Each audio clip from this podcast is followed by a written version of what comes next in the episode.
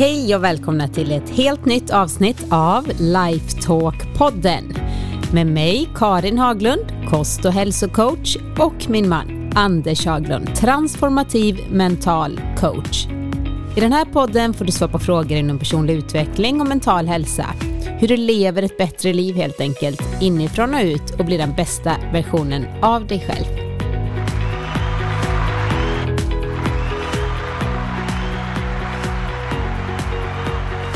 Hej Anders! Hej Karin!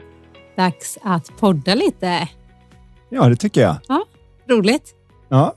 Efter en god och härlig lunch vi har ätit på mm. vårt favorit salladssak. ja, nu är vi både laddade fysiskt och mentalt för att svara på era frågor inom personlig utveckling. Mm. Mm, det är nu du ska bara yeah! Jiha! Jiha! Ja, men vad säger du? Vill du kallprata lite eller ska vi köra igång? Nej, jag tror att de som lyssnar gärna vill komma igång och höra vad... Då ska jag inte kallprata. Då börjar jag här med en fråga från er lyssnare. Hej! En fråga till världens bästa podd kommer här. Jag har alltid varit skrämd och rädd för fysisk smärta så fort jag ska ta blodprov eller något som jag vet ska sticka till och göra lite ont blir jag uppskrämd och ångestfylld innan. Kan man träna bort sånt mentalt? Och funderade också lite på varför smärta är så läskigt. När jag funderar på det så vet jag ju inte ens vad smärta är för något. Tack för att ni finns med er podd och allt ni gör. Kram Kajsa. Mm. Tack Kajsa. Vad fina ja. ord. Ja, Världens bästa podd. Det, det är du. Det är du. Världens bästa på svenska alltså, podd. Det tar bort en del konkurrens. Tack snälla. Ja. När det gäller smärta, om vi ska börja bara nysta i det lite grann, så är det ju så att smärta har ju uppkommit av en väldigt praktisk anledning. Och det är för att skydda oss naturligtvis så att vi inte ska råka ut för dumheter eller som man står och lutar sig på något vasst eller varmt så ska det komma en smärtsignal som förklarar att ta bort handen därifrån och minimera skadan. Det är ju superbra. Varför skulle den behöva vara så obehaglig? Jo, precis som ett brandlarm måste sättas så att det piper obehagligt högt så måste smärtsignalen tränga igenom sömnen om man säger så. Jag kanske står och tänker på annat när jag råkar lägga handen på den där plattan och då kan ju inte gärna smärta viska lite och säga du, du har lite problem här ute i fingertopparna som kan bli riktigt, riktigt dåliga för dig om du inte lyfter handen. Jaha, du är upptagen med annat. Ja, det var ju synd. Men eh, eh det vore bra nu, för nu luktar det faktiskt bränt fläsk här. Det, det hade ju inte funkat, utan det måste vara en signal som tränger igenom allt du eventuellt håller på med nu. Eftersom oftast om det är en smärtsignal så säger den det här behöver du agera på i denna stund. Det här är viktigt. Precis. Ta bort allt annat. Ja. Nu var det ju så att jag var ju borta i Los Angeles, det här är ett antal år sedan. Och fick möjlighet att prata med en av världens ledande smärtforskare. Väldigt märklig person på ett sätt eftersom allt han hade gjort under 25 års tid är att ta olika grad students och andra hågade personer som var villiga att få några dollar för att komma in och skriva på ett papper att det var okej okay att de fick bli testade i smärtgränser och annat. Och vad han ville veta var vad är smärtsignalen? Vad är egentligen den där signalen som kommer upp? Vad är det som gör att den går igenom? Vad är det? Och vad han upptäckt genom att banka på folk, kyla folk, värma folk, bränna dem och allt vad han har gjort i 25 års tid när de har skrivit på att jag är okej okay med att du kollar vad det här är var att det är en kombination av tryck och värme. Så det enda som kommer fram till hjärnan är en signal om tryck och värme. Du har brutit ett ben så kommer du uppleva det som någon har parkerat en Volkswagen på benet och det hettar ordentligt. Om det känns på något annat sätt, då måste man lägga det i tanke. Det här märker man om man till exempel sitter och jobbar och får ett papperssår. Man kan ju lätta på kanten av ett papper när det är så tunt att det nästan skär som ett rakblad i ett fingertopp eller någonting. Och är man inne i det övriga arbetet och inte tänker på det så märker man inte ens att det sker. Men så plötsligt börjar man se att det är röda och lite brunaktiga fläckar på saker. Så börjar man tänka, vad är detta? Har jag skurit mig? Vad har hänt? Jag ser ju, det är blod. Var, var, var? Och så letar man och så plötsligt får man syn på det där skärsåret och då, aj! Så att det är först när jag lägger till tanken ovanpå som det blir till den här lite obehagliga grejen. I övrigt så vill han bara säga det är varmt och tryck och det är den signal jag använder för att komma igenom som ett brandlarm för att tala om att nu måste du vakna och ta dig ut. Och kanske inte så alarmerande starka smärtsignaler just i det här fallet. Nej. Att man har, har skurit sig lite för att det gör inte men, så ont. Men även när du tar större saker, för jag har haft idrottare som bokstavligen har brutit ett ben under en hockeymatch eller något till exempel mm. och spelat vidare på det brutna benet. Och först när de sätter sig i omklädningsrummet så är det någon som säger du, ditt ben är ju helt svullet. Va? Ja, nu när jag tänker på det så är det faktiskt ganska ont här. Och så visar det sig att nej, du har ju brutit benet. Det är ju inget bra. Men ändå så kan man alltså vara så inne i annat att man så att säga kör över den larmsignalen. Så inte ens smärta har en direkt komponent. Utan jag behöver ha med tanke i matchen. Nackdelen med det då är ju att om jag tänker smärtsamma tankar utan att det egentligen finns någon större anledning som när jag ska få ta ett blodprov eller någon ska ge mig en spruta och det kommer bara säga aj och så är det över. Det kommer inte vara mer än så. Så kan jag tänka upp det och å andra sidan till ett brutet bennivå. Så att det här blir oerhört ångestladdat i bara tanken på att nu kommer det göra ont och det kommer jag inte hantera för det här kommer bli fruktansvärt och det här är jättehemskt. Och när jag drar loss med de tankarna, ja, då kan det bli en enorm smärta fast de inte ens har stuckit den än.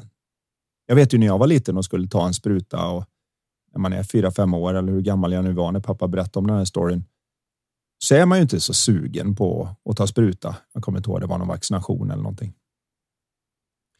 Och då säger han bara, han har tydligen nickat över huvudet på mig för att man fattar ju inget när man är fem. Så han har nickat över huvudet till sköterskan där och förklarat lite och så utan att jag vet om det. Och så säger han till mig, åh, kolla där ute i fönstret. Och så vänder jag mig och säger, vadå? Och då nyper han till mig lite i örat och säger, aj, vad gör du? Ja, och så vänder jag mig tillbaka och sa, okej, okay, ska vi ta sprutan, du vet? Ja, det har jag gjort. Så medan mina tankar var på annat håll så kunde hon ge mig den där sprutan och jag märkte det inte ens. Och det förstod ju pappa redan på den här tiden att om man distraherar någon lite grann så känner man inte smärta. Jag, min tanke är någon annanstans. Att man intuitivt förstod det att om jag distraherar din tanke här nu så kommer du inte ens veta om att det här händer. Det är ju vad varenda trollkonstnär håller på med. Titta här borta så märker du inte ens att jag flyttar något jättestort här som du borde se men inte kan se nu. Så du har ett par olika komponenter. Den ena är att börja märka att man går in och säger vänta här nu lite. I vilken mån är det här varmt och i vilken mån är det här tungt? Det är lite spännande. Låt mig kolla det. Var lite mer nyfiken istället ja, för nästan. rädd för smärta. Ja, att den här är här för att hjälpa mig. Och, men det är just det där att tanken på det innan kan vara överväldigande eftersom jag kan inte försvara mig mot min egen fantasi. Om jag drar loss om ett möte på fredag och det kommer inte gå bra för han gillar inte mig. Han kommer nog ta upp några massa grejer som jag inte ens vet om att jag går och kritiserar eller någonting. Så kan jag ju ha fullkomlig ångest och rulla ihop i en eh, fosterställning hemma på golvet på, redan på tisdagen över det där mötet på fredagen. Så kraftfull är ju tanken när jag väl låter den springa iväg med mig. Det är som att hålla en tiger i svansen. Så man behöver inte träna bort den utan man får förstå bort den.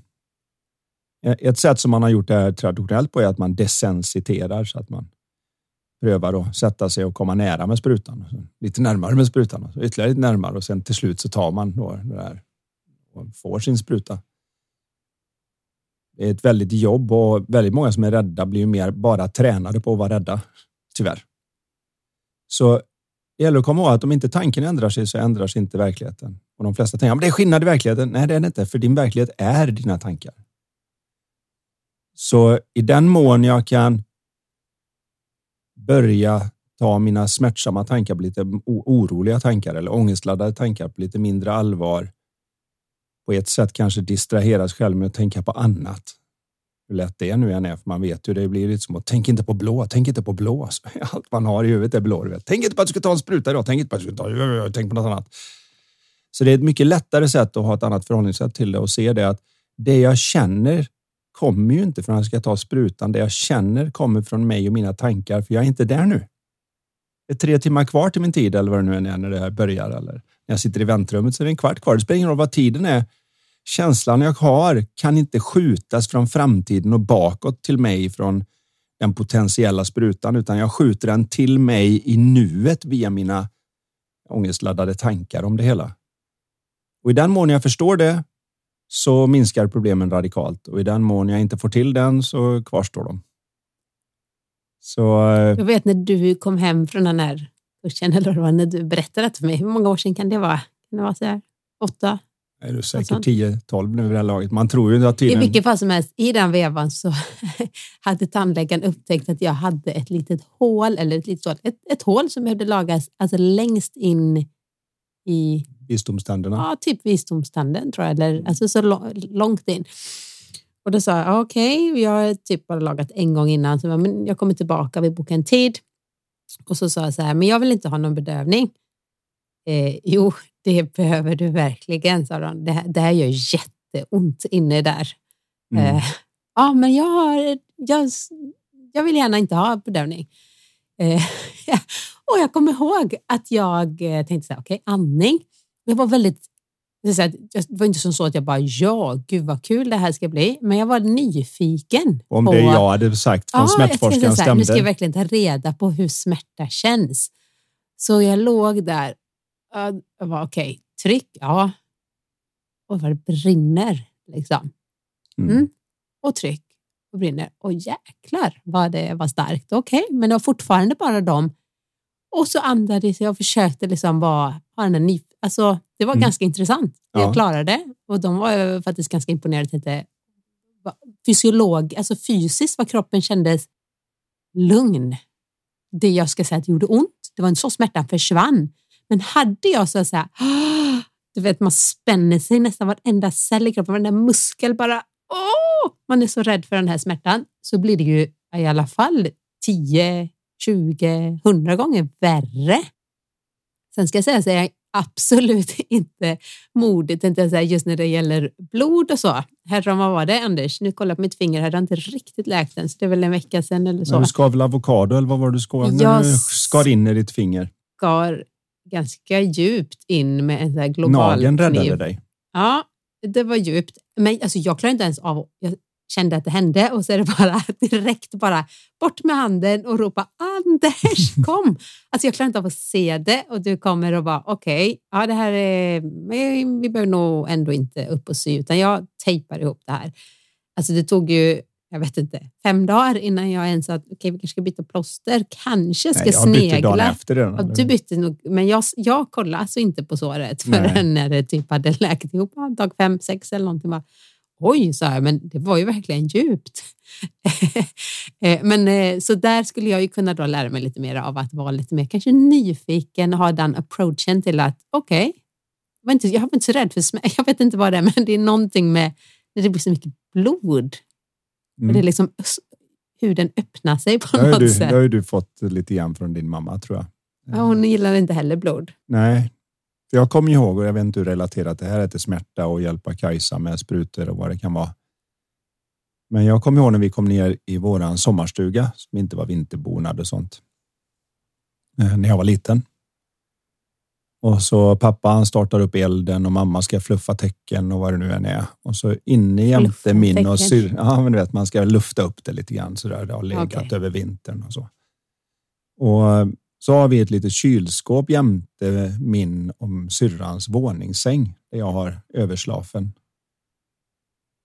Och mamma ska gå in där och jag vill följa med för man, jag var inte så gammal. Eh, jag var säkert fyra, fem år då.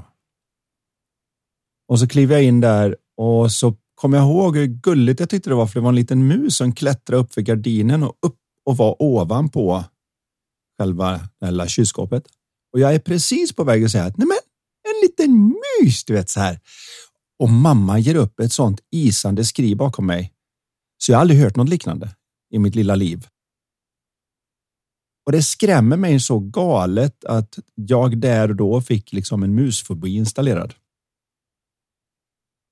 Och det visar hur det fungerar. Det räcker med en stark känsla och så kopplas den ihop med tanken på en mus och därefter behöver det inte finnas några riktiga möss utan det räcker med tanken på det så ryser man till.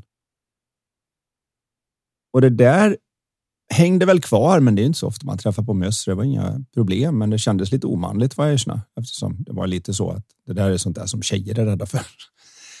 Och, men det första gången jag kom i kontakt med NLP, neurolingvistisk programmering, så var det en av de första grejerna jag testade på mig själv med fobikur. Och så gjorde jag den in i huvudet och rullade den där scenen som fortfarande satt fast med hur jag kommer in och ser den där musen och såg hur han sprang baklänges och cirkusmusik och allt vad det var tills jag skrattade åt det hela. Och sen dess har jag ju inga problem med det. Som du vet. Det, det vet jag, ja. eftersom jag tycker de är lite eh, otäcka. Men jag, eller vet du vad? Jag är inte rädd för möss. Jag vet precis vad jag inte gillar och det vet du med. Jag ogillar att bli sådär våldsamt överraskad. Alltså det är som att jag bara... Det spelar ingen roll om det är en studsboll som kommer, liksom, som inte, alltså vad som helst som bara överraskar mig. Så. Alltså jag fick ju, eh, det var en mus som kom upp en gång då på morgonen när jag kom ner och skulle eh, slänga någon äppelskrutt eller öppna mm. i alla fall. Och det var en liten mus i våran papperskorg som liksom rutsch, upp så här på, även nästan på min hand. Och jag blev så rädd att den här musen alltså den kollade av min, min rädsla. Alltså jag skrämde den så. Skrämde eh, livet av ja, musen helt enkelt? Jättehemskt. Ja. Men, men, men jag kan liksom, jag inte, och någon gång när du var iväg, det låter som jättemycket problem med mus, men vi har inte haft det de senaste åren, men det är ett gammalt hus. Oavsett, du var iväg någonstans och jag hade, det hade fångats någon mus i någon fälla eller hur det mm. var.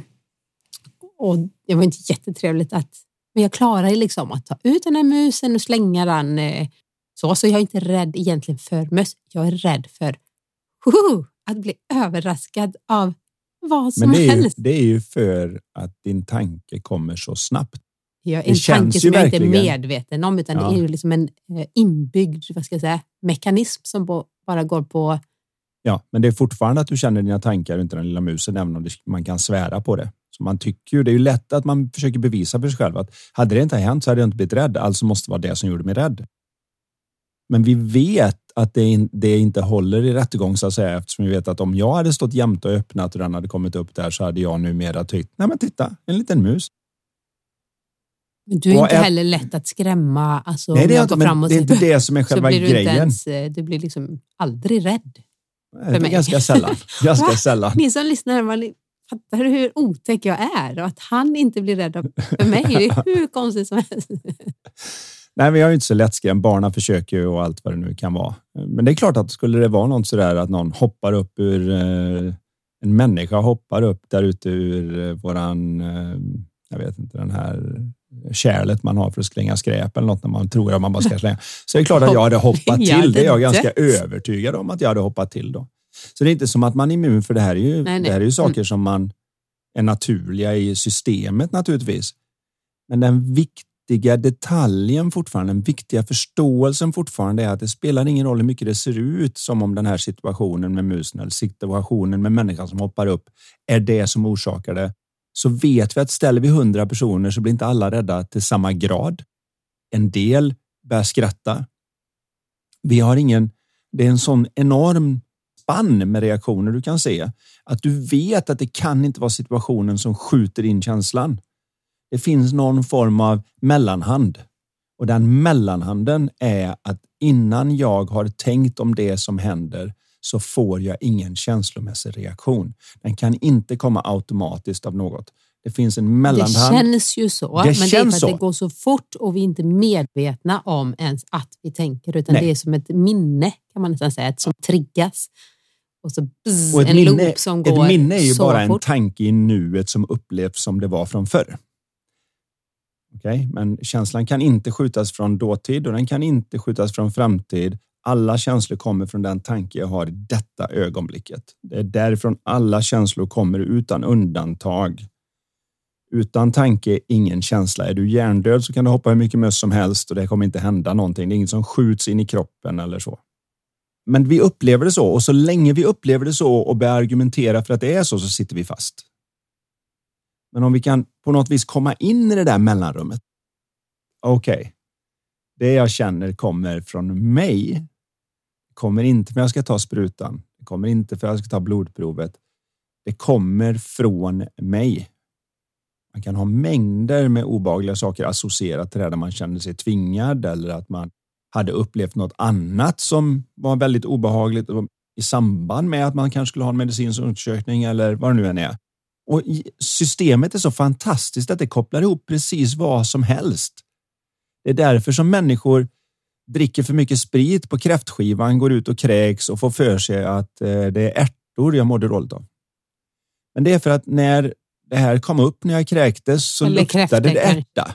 Ja, men det Aha. luktade ärta. Så det som, det som systemet såg som det, mm. det så att säga, symbolen för händelsen var ärtlukten som kom med upp till exempel. Och då, får, då, då är den inte logisk utan han bara tycker Öh, vad mår dåligt. Fredrik, jag ser ärtor nu så känner jag mig helt kräkfärdig. Fast ärtorna inte hade något med det att göra. Mm. Det här gäller för allt möjligt annat, så jag kanske kände, jag vet inte hur den här personen haft det, men kanske hade en situation där man kände sig väldigt obehagligt till mods och så skulle man då göra det här. Men egentligen så var man obehagligt mods för man hade råkat ut för något annat. Och så sprider det här sig genom att man då har en obehaglig känsla i den situationen. Nu, så innan var det en situation, nu är det två. Och det här är hur nervsystemet fungerar. Det, det är en överlevnadsfunktion. För att skydda oss, så att det är egentligen på sätt och vis någonting bra. Ja, du vet, man hittar en buske. Det var några röda bär där. Man trycker i sig tre röda bär, blir ganska våldsamt kräkig med en gång för det är ett giftigt bär. Och så, uh, då säger inte kroppen så där som den borde göra att hmm, nu ska vi se exakt vilken buske, utan det är alla röda bär. Jag äter inga röda bär. Jag bryr mig inte om det är jordgubbar så gillar jag inte dem längre. Jag tar inga chanser. Inga röda bär för resten av mitt liv. Mm. Och det här är inte något som sker på medveten nivå, utan det här är ju något som sker där bakom. Så nu räcker det att man ser röda bär som funkar. Du kan ha liksom röda vinbär och så bara Åh, hjälp! Ja, men de här är okej. Nej, jag klarar det inte. Jag kan inte ens vara här på den här tomten. Eh, det kan ju gå så pass. Så det är spännande att se. Men det kan ju verkligen hindra oss i vardagen om vi har de här rädslorna för smärta. För smärta kommer komma. Alla blir drabbade av smärta på ett eller annat sätt. Det är psykisk ja, smärta och fysisk smärta. Och går vi runt och är rädda för det så är det ju att addera ytterligare smärta i livet. För saker kommer ändå då när man väl till exempel ska laga en tand eller vad det nu är eh, för smärta. Om man kan hantera det då när det händer så mm. har vi minim, alltså verkligen minskat våran smärta. Jag tänker också på en sak som jag ofta säger till barnen när det är så här, oh, jag är rädd eh, ja, för någonting, om det är rädd för mörker eller eh, om de till exempel skulle ta en spruta, men jag är rädd. Att man inte så går in i rädslan och förstärker den utan är, jag är väldigt så här, okej, okay. Ja, men det är inte farligt att vara rädd. Och så är man ganska chill med att istället för, oj, men du behöver inte vara rädd och herregud, ut, ut, ut, ut. för då alltså, ger man lite kraft åt rädslan. Ja. här kanske Kajsa kan vara, hon är hon ju uppmärksam på att, mm, varför? Jag tycker faktiskt att eh, jag är lite ångestladdad här inför ett blodprov eller inför smärta och hur kommer det sig? Och vara lite nyfiken med det, men vara okej okay med att, okej, okay, Jaha. Det viktiga här är att få in lite medvetenhet för att upplevelsen är ju alltid. Jag tänkte på det och så kom det.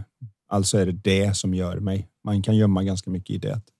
Det finns två vägar här naturligtvis. Det finns ju vissa som skriver böcker om det här. Feel the fear and do it anyway. Alltså med andra ord, ta och ät den fulaste grodan först och allt vad det nu kan vara. Alla de antyder att man ska använda mod för att överkomma sin rädsla. Det är lite om fuck fear och allt vad man brukar säga. Det viktiga här är att om jag jobbar på att hela tiden överkomma mina rädslor så spenderar jag väldigt mycket tid i rädsla. Och min approach till det här personligen är ju att hjälpa en person att orädd ta sig an saker. Då måste man ta sig an vad är det som är att vara rädd? Vad är det som gör den här rädslan? Och kanske den viktigaste insikten är att man kan inte vara rädd nu. Så om jag skulle sträcka mig över och ta din hand och bara poffa ner den på en brännplatta eller något sånt där för att man är riktigt psykopathygglig. Så skulle du säga aj, vad gör du? Men du skulle inte vara rädd. Förstår du? Men om jag tar i din hand börja dra den mot brännplattan, titta på den, titta på dig, titta på plattan, titta på dig så du börjar ana att han tänker trycka ner min hand och göra illa mig. Är du med? Och så börjar du kämpa emot och så känner du att han är mycket starkare än mig så vad jag än gör så kommer min hand åka ner där. Nu börjar du bli rädd. rädsla är rädsla för framtida smärta. När den händer direkt i nuet finns det ingen rädsla där. Då kan man råka ut för ganska mycket om man inte hinner tänka så att säga. Då kan vi stå inför ganska stora saker och inte ha några problem med det. Utan det är just den här. Jag tror det kommer att bli smärtsamt för mig om en stund. Det är den tanken som frambringar rädslan. Så rädsla är en skapad framtida smärta som jag ser som någorlunda sannolik.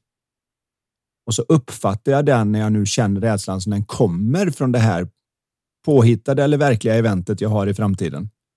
Oh, spelar ingen roll om det är verkligt eller inte. För där jag får det ifrån är min tanke i nuet som maskerar sig som en framtida sak som jag nu tror kommer göra ont på något vis, känslomässigt, fysiskt eller annat. Och där är rädslan.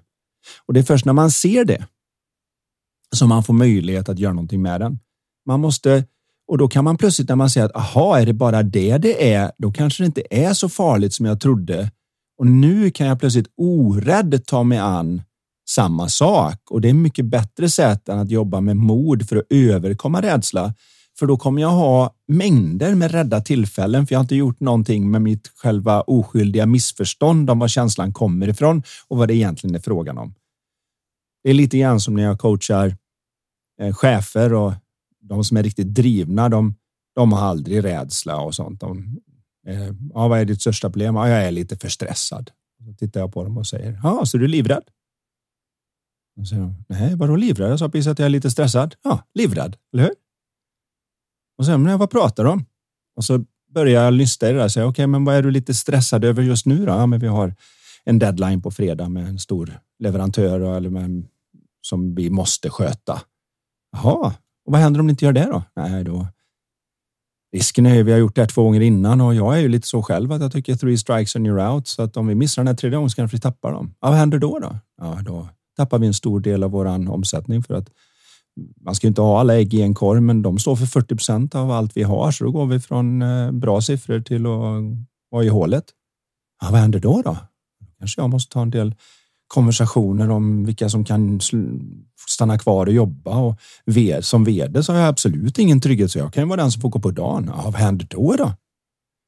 Ja, då måste jag gå hem kanske till familjen och berätta det att här har jag blivit av mitt jobb och det är inga fallskärmar och ingenting nu när det blev så här. Så eh, kanske får anpassa vår levnadssituation nu efter den nya ekonomiska situationen som vi står inför. Jaha, vad händer då? då? Jag är inte helt hundra på att min fru älskar mig bara för mig, så jag vet inte om hon är kvar om jag inte kan leverera här. Jaha, var lite stressad, inte livrädd alls. Så när, man väl, när de väl skriver under på att ja, jag är rädd. Ja, vad är du rädd för? Jo, vi gjorde precis upp en kedja av framtida saker som jag tror kan bli smärtsamma som gör att jag kan vara rädd i nuet, men jag upplever att det är min framtid som skickar rädslan. Men jag gör allt detta via tanken i detta ögonblick. Som man inte ens medveten inte om. Inte ett dugg medveten. Nej. Men när man skjuter in den lilla medvetenheten så är min erfarenhet att det blir mycket lättare att hantera. För nu har jag inte längre för det enda sättet att hantera det om det inte är som jag säger, det är att flyga fram i framtiden och se till att det inte händer. Eller flyga bak i dåtiden och se till att något jobbigt inte har hänt. Men om det är som jag säger, vilket jag nu påstår är som en princip för alla människor, ja, då har jag ju bara min egen relation med min egen tankevärld att på något vis förbättra.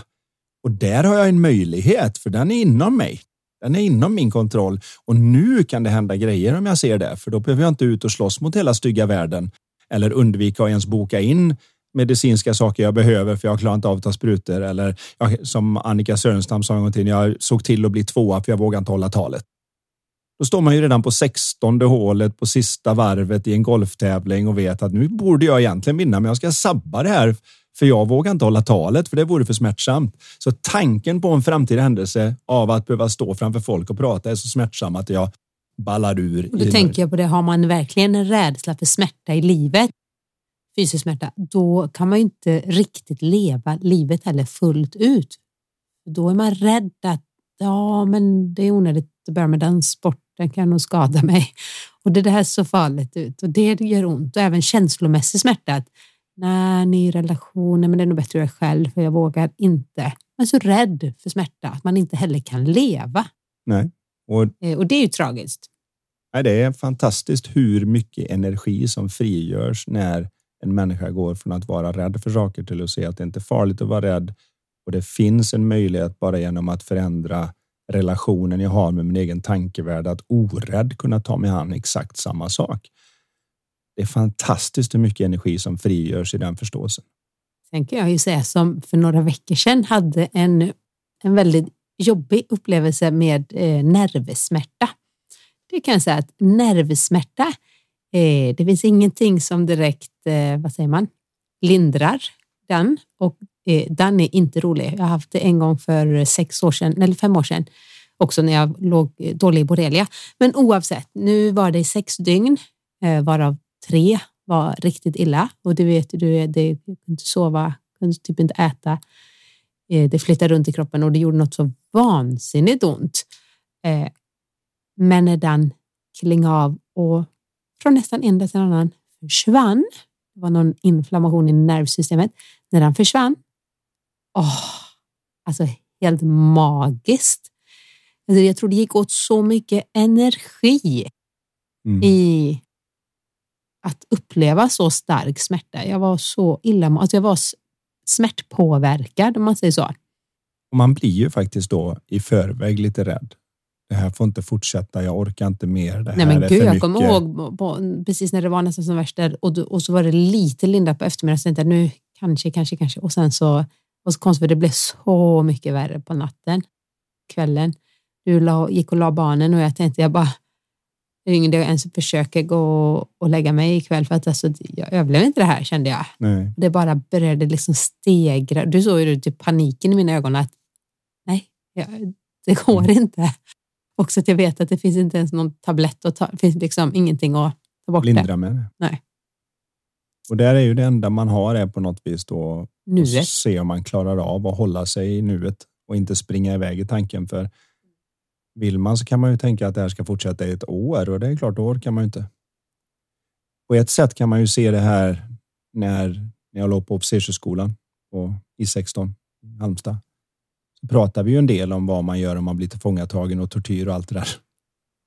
Och vi insåg ju nästan allihop när vi diskuterade det här att man skulle kunna stå ut med nästan vilken tortyr som helst om man visste att den skulle vara över efter en viss tidsperiod. Som att okej, okay, vi torterar dig fram klockan fyra, men så kommer vi inte göra något mer. För då kan man stå ut om vi säger så. Men om man inte vet, vilket man naturligtvis inte vet när fienden tillfångatar en om det här ska fortsätta och de ska göra allt vad de nu och gör. Kanske värre och hur, värre och värre. och värre och värre. Och det blir, kommer inte finnas någon ände tills man dör. Liksom. Då är man ju villig att nästan säga vad som helst. Det är klart. Det är därför det här fungerar. För att de vet att till slut så klarar jag inte tanken på att behöva vara kvar i det hålet och ha mer av detta. Så jag säger vad jag ska säga så erkänner jag vad som helst och avslöjar mitt lands alla hemligheter. Jag orkar inte mer. Och det är därför man då drillar sig och bara säga namn och nummer. Namn och nummer, namn och nummer för att det är den största grejen man går igenom om man skulle förråda sitt land. Liksom. Så det, där ska man hålla sig om man ska vara hjältemodig. Men det är fortfarande den här förståelsen för att rädsla kommer från tänkt smärta i framtiden. Och om man kan förstå det, som rädsla stoppar oss för så mycket. Det spelar ingen roll om det är Åh, jag skulle gå fram och säga hej till den där personen och så börjar jag nu. Ja, men om jag gör det så kommer alla skratta åt mig eller nej, den personen kommer aldrig vilja ha mig eller de kommer att titta på mig och tycka dra din loser eller vad det nu Börjar man göra upp de scenarierna så får jag rädsla nu som känslan kommer från sen och så sitter man kvar och säger aldrig hej. Så rädsla är ju det som hindrar oss mest i livet, både energimässigt och möjlighetsmässigt. Så därför är det så viktigt att förstå vad det handlar om. Och att det också kommer från tanke och att det är det enda stället där så att säga ratten i bilen sitter eh, och börja se om jag kan förbättra mitt förhållande med de där rädda, oroliga, stressade tankarna som så annars om jag inte förstår vad det är som pågår så lätt ha kontroll över mig eftersom jag kommer aldrig titta där. Jag kommer titta ut i situationen, i omständigheten och se det här är vad, det, vad problemet är och det måste bort annars. Och då sitter jag fast. Väldigt intressant. Tänker också på det här när man föder barn. Då vet man ju också någonstans att det, det är, någon, någon gång är barnet ute. Det är ingen mm. livslång smärta tror det är därför vi kan hantera ganska stark smärta. Det gisses vad ont det gjorde. Mm. Eh, men för att vi vet att... Gånger tre. Gånger tre. Och, och liksom det blir värre, värre, värre, värre. Såklart det blir värre tills det plopp. Eller plopp. Jag vet inte vad sa det. det är som kungen och så bara klick fast här så är det bara plopp. så plopp och så var det inte. Men oavsett. Sen är det typ, det gör säkert ont efter, alltså du är så hög då på att liksom, du får ett litet knyte till dig som ett liv. Men du vet någonstans att okej, okay, nu gör det ännu ondare, nu har du öppnat det mer, nu gör det ännu ondare. Så bara, det blir värre och värre, men du är närmare också. Mm. Du är närmare att få träffa ditt barn. Eh, och det tror jag gör att vi kvinnor, eller så är vi bara överlägsna könet. Ni är ju faktiskt vi är ju utvecklade grymma. via några miljoner år på att göra det här. Så att, eh, vi är bra på att föda barn. Det är väldigt, väldigt häftigt hur de flesta mödrar redan dagen efter nästan kan inte komma ihåg hur det kändes. Så att det är ju någonting som ligger där och ser till att man får så att säga en riktigt bra ter terapisession redan första sömnen efteråt eller vad mm. det är mm. som händer som bara. Och lite endorfiner och allting och lyckorus av. Ja, och så, sen vet man ju faktiskt att under sömnen så skär hjärnan av den känslomässiga kopplingen till minnet. Om det är något som är obagligt. Så att en riktigt bra djupsömn är en av de bästa terapisessions man kan få på det sättet. Och sen visst är det evolutionärt naturligtvis någonting som specifikt händer som gör att det går så pass fort som det ändå gör där, för annars skulle vi inte bli fler. Skulle de flesta kvinnor säga liksom, du, det där kommer inte hända igen. Nej, men jag vet mm, inte, vi är lång, ganska långt ifrån sprutor och annat, men jag hoppas att det finns någonting här som kan vara till hjälp både för Kajsa och någon annan vad det gäller vad det egentligen handlar om det här och att det är rädsla mm. och det är upplevd imaginär smärta i en påhittad framtid som gör att jag i alla fall blir väldigt mycket värre och att man får den i förväg. Eh, vi tar en ny fråga. Hej Anders och Karin. Något jag är lite nyfiken på är era kloka tankar kring det här med att även om man har kunskap och verktyg så kan det vara en del inom en själv som motarbetar att man använder dem eller tar tag i problemet. Som ett inre skydd som kan triggas av förändring och hålla kvar i det gamla som är tryggt och vant att vara i även om det är något som inte är bra eller får en att må dåligt. Och att kroppen även är van vid att ha en viss så att säga cocktail av kemikalier i kroppen som kan kicka igång tankar för att skapa mer av den cocktailen. Önskar tips på hur man, runt, hur man kan komma runt detta samt bra tips på att komma ur kommunicera med den där väldigt intygande delen inom en som håller kvar en i det gamla mönstret. Var det övertygande delen eller var det, var det något annat? Är det så intygande delen? Ah, okay. Nej, det kanske betyder övertygande. Men väldigt bra fråga måste jag säga. Mm. Det tror jag en hel del människor känner igen sig.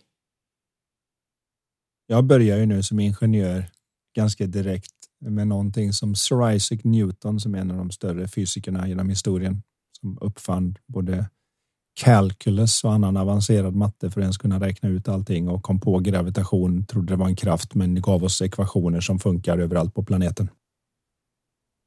En av de saker som han också tog fram är någonting som kallas för tröghetslagen. Och i universum då, the law of inertia, som det heter på engelska när jag gick på universitetet i USA.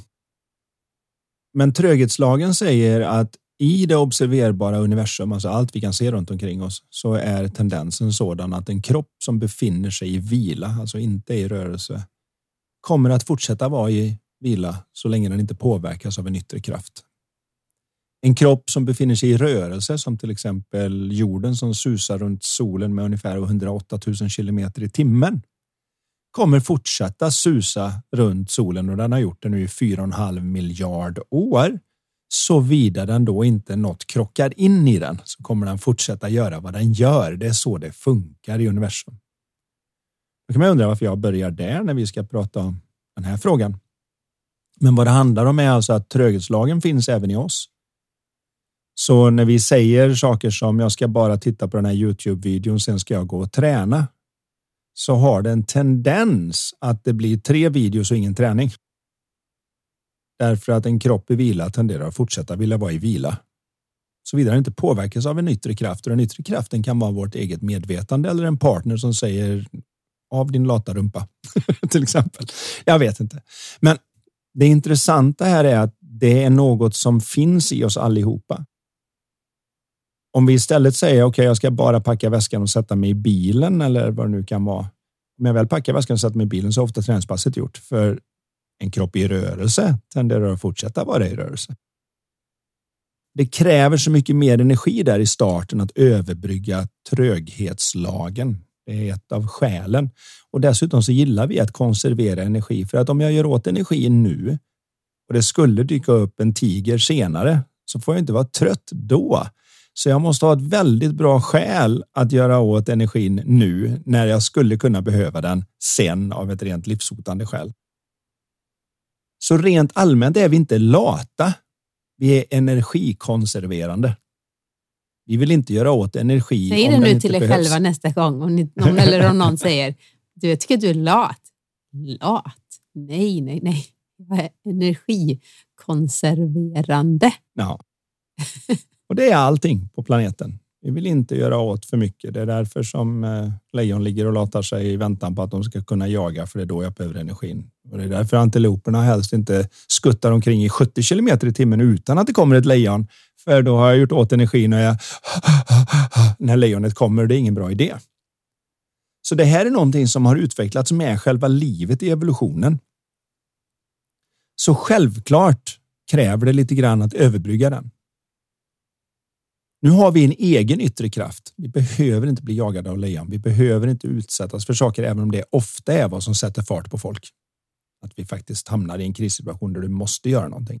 En deadline. En... Ja, en deadline eller att nu kommer det gå åt pepparn om inte eller så. Det, det kan vara något som sätter igång det. Men den viktigaste och härligaste grejen är om vi kan se att vi kan använda vårt eget sinne som den här yttre kraften. Vi kan göra upp att Nej, men jag vill faktiskt det här och jag tänker inte lyssna på den där andra rösten som försöker säga att nej. Ja, jag har varit här förut. Ja, men alla har den. Det är inte som att många som ställer den frågan tror att det här är ett jag-problem när det är ett mänskligt problem. Det finns ingen som inte är utsatt för det här. Jag bryr mig inte om hur framgångsrik någon är och så vidare. Det är ingen som får till det här helt automatiskt, utan det ligger i att vara människa. Att hela systemet kommer fråga är du säker på att det här är viktigt? För om det inte är det vill jag hellre ha kvar energin tills det kommer något som är viktigt. Och det är också det som gör att vi har så att säga någon sorts waiting mode som kan kosta oss ganska dyrt. För att vi då ligger och väntar. Men vi kan med medvetandet, så att säga, vårat sinne kliva in med den att aha, det är så det fungerar. Okej, okay, jag tänker inte göra det. Jag tänker inte låta mig själv stoppas av mig själv och bara för att jag står på axlarna av någon hundratusentals generationer där det här har varit vettigt. För jag vill faktiskt skapa en bättre livssituation. Jag behöver se till att min kropp fungerar. För nu har den inte rört på sig tillräckligt. Den är inte tränad, den har inte gjort det och jag vet att jag kommer att må bättre. Det är jättetrögt att komma igång. Jag är med på det. Det är som en raket som ska av jorden. I stort sett all energi går åt att lyfta och sen när det väl är gjort så svischar det vidare. Samma sak är det när man själv ska lyfta in i ett träningspass eller lyfta in i ett nytt projekt eller vad det nu än är. Det finns en tröghet där och det gäller att förstå att den trögheten är inte ett personligt problem. Den är ett mänskligt problem genom årmiljonerna som har tjänat oss väl för överlevnad. Men vi är inte så intresserade av överlevnad längre. Vi vill frodas. Vi är inte nöjda med att födas, överleva och dö. Vi vill ha någonting däremellan och allt vi önskar oss kräver då en insats av energi. Någonting, någonstans i systemet måste jag stoppa in min energi och säga det att nej, jag vill inte bo i ett hus som är dammigt, smutsigt och eländigt. Ja, men då måste jag ta tag i dammsugaren och jag måste gå och damma och jag måste fixa och dona. Har jag lust med det alltid? Nej, det har man inte. Men kan man ringa en städfirma? Man kan ringa en städfirma. lite energi, men väldigt mycket mindre energi. Och då kanske det är så att det är ens mål att man ska ens kunna göra det. Och då behöver jag då på något vis hitta energin och jobba så att jag känner mer pengar än jag egentligen behöver så jag kan betala städaren för att göra det. det. Precis. Så då kan det vara vad jag behöver överbrygga i min, i, i min uh, tröghetslag. Så att där i ligger egentligen svaret till frågan att man börjar se det att det här är, det här är allmänmänskligt. Det här är inte bara jag, mitt personliga problem. Och sättet man kommer över det är att man börjar se att visdomen inne i mig viskar vad jag egentligen vill och tröghetslagen skriker att du inte ska göra något. Och det gäller att börja lära sig att lyssna på viskningen från visdom där så att man kan få mer av det man faktiskt vill istället för att stoppa sig själv på grund av att det finns en överlevnadsdrift. Men vill man mer än överleva och helst frodas så behöver man förstå bättre så man kan göra bättre trots att det här genom årmiljonerna ligger och skriker i systemet och vill säga att nej, nej, nej. Om det inte är nödvändigt så gör det inte. Så det enda man kan göra där är att hitta sin egen väg för precis som allt annat vi pratar om här så finns det bara handtag på insidan för att hitta detta. Det finns inget jag kan säga, du kan säga eller någon annan kan göra och säga. Men man kan inspirera, hoppas och plötsligt så hittar någon sitt inre handtag och säger nu, nu, nu kommer jag igång. Och nu när jag är igång, ja, då funkar tröghetslagen för mig. För nu är jag i rörelse. Nu måste jag nästan be mig själv att sitta, sitta ner och vila för att nu är jag igång. Så det, det, är så spännande att se och det är därför rika blir rikare och fattiga blir fattigare och de som har en tendens att kanske inte vara så hälsosamma blir mindre och mindre hälsosamma och de som väl är hälsosamma och tränade blir mer och mer tränade. Det är för att hur tröghetslagen drar i oss och det kräver en medveten insats och energi för att överbrygga det. Superbra förklarat. Riktigt bra du var helt tyst där. Ja, ta, eh, andan nu som vanligt. Det är väldigt bra. Vi avslutar med en liten kort fråga här. Hej och tack för er podd. Är nyfiken på hur ni skulle beskriva en mentalt stark person. Det kan vara lite intressant att avsluta. Mm. Vad säger du Anders? Ja, det här är faktiskt någonting där jag funderar lite extra eftersom jag vet att en del kanske kan ta vid sig lite när man förklarar sanningen om hur det fungerar. Men mental styrka är ingenting jag behöver bygga.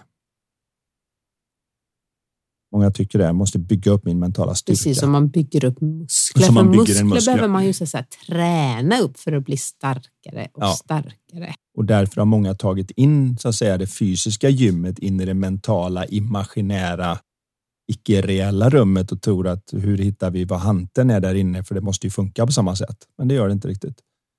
Du ser det här på barn. De, alla barn som är födda med fingrar och tår på rätt plats och har kemiskt hamnat rätt är mentalt starka.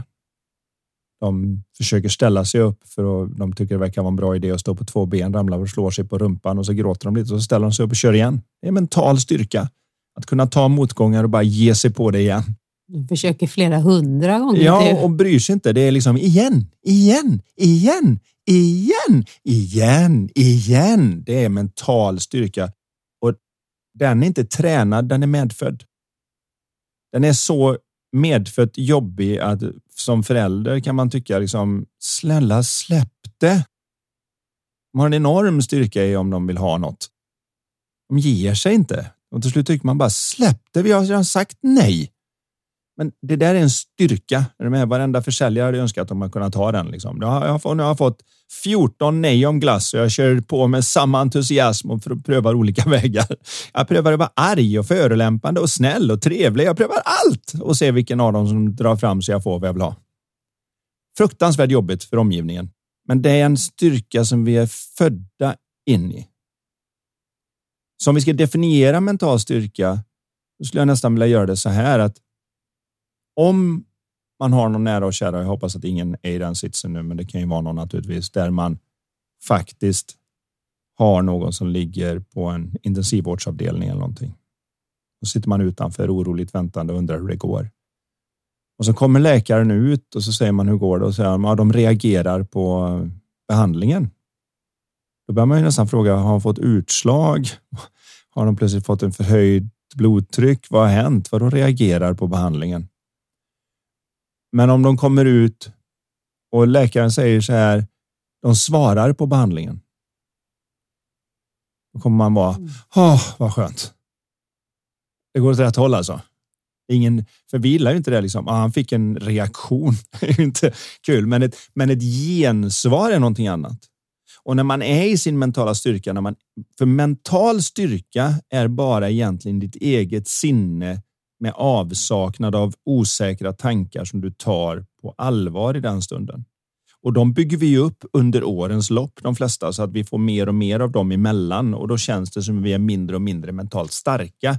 Men vi är konstant mentalt starka och varje gång som de där tankarna försvinner så har vi den där naturliga styrkan som gör att vi kan råka ut för ganska tuffa grejer och studsa tillbaka för vi svarar på det då. Istället för reagerar. Ja, vi får en ekonomiskt problem och det är en väldigt stor skillnad att reagera på det, vilket ofta är att man bara skriker ut sin frustration eller säger det är orättvist. Och det här är så stressande och jobbigt ja. så jag måste gå och eh, vet du, spela lite här ja. online, på något online-spel eller något för att distrahera mig. Istället för att då göra att svara på situationen. Oj, nu har pandemin gjort att det har blivit lite bilringar här nere och jag har nog aldrig varit över 10 kilo förut. Okej, okay, en reaktion är ju bara nej och så äter man mer. Eller så, men ett gensvar är bara, men då får vi börja med att gå runt huset för det är nog jobbigt nog nu efter det här och gått igenom covid och annat. Ja, så gör man det och så gör man ett gensvar. Man svarar på det hela. Och det är det naturliga sättet för en människa att göra det. När vi är i vår mentala klarhet, när vi är i balans, då svarar vi på vad som än händer. När vi är oroliga, irriterade, arga, pressade, stressade, allt det där som vi skulle se som lite negativa sinnestillstånd. Mm. Då reagerar vi på nästan allting. Det är som att vara för solbränd och det räcker att någon snuddar den säger man ser dig för. Och när man är så att säga normal i sin hud, då kan någon knuffa till en ganska hårt och man säger oj, hoppsan, ha en bra dag. För man svarar på knuffen istället för att reagera på knuffen. Och där ligger väl, vill jag påstå, Mental själva styrka. mentala styrkan. Den är inbyggd i oss. Det är inget vi behöver ta fram. Det är någonting vi avtäcker att vi redan är så att säga beskaffade med. Härligt också genom årmiljonerna. Skönt att veta det, tänker jag. Ja. Det är så inspirerande och hoppfullt att vi alla bär med oss den och mm. kan svara lite mer på det som händer i livet istället för att reagera. Ja. Du är klok, Anders Haglund. Det är du. Eller vad säger ni, lyssnarna? Jag tyckte det var jättebra förklarat. Nu har jag dragit ett kort som avslutning på våran podd idag och eh, det är ett kort från vårt Lifetalk-spel och vi brukar mm. avsluta varje poddavsnitt med att dra en fråga som eh, ni kan filosofera över. Om du hade möjlighet att få veta en sak om framtiden, vad skulle du vilja veta? Det är spännande. Skulle man vilja veta egentligen? Ja, och vill man veta? Vill man veta? Men kanske man får välja en sak. Ja. Det är ju det där, ingen kan förutsäga framtiden, men vi kan vara med och ge en ganska hög sannolikhet att vi skapar den på ett visst sätt. Det är häftigt tycker jag. Så det är klart man kan ju börja med och istället säga så här. Vad skulle jag vilja att den var? För mig. Och sen se om det finns något sätt att börja skapa den framtiden snarare än att förutsäga den. Det är min Då lilla... svarar man istället för att reagera, eller hur? Mm. Det var Härligt, mentalt stark. Men det var jättebra avsnitt. Tack snälla Anders eh, och tack alla ni som har lyssnat. Ja, tack så Ha det Hej gott. Hej! Du har lyssnat på Lifetalk-podden. Vi vore så tacksamma om du vill lämna ett betyg och eller recension i iTunes. Dina frågor de kan du skicka till oss på lifetalkpodden.se. Spelet Lifetalk finns också att beställa där. Vill du komma i kontakt med oss rörande samarbeten, coaching, föreläsningar och event? Då kan du mejla till karin lifevision.se. Tusen tack för att du har lyssnat. Och du, gillar du podden? Dela den gärna vidare och tipsa om den i sociala medier. Låt oss tillsammans göra världen lite mer mentalt välmående.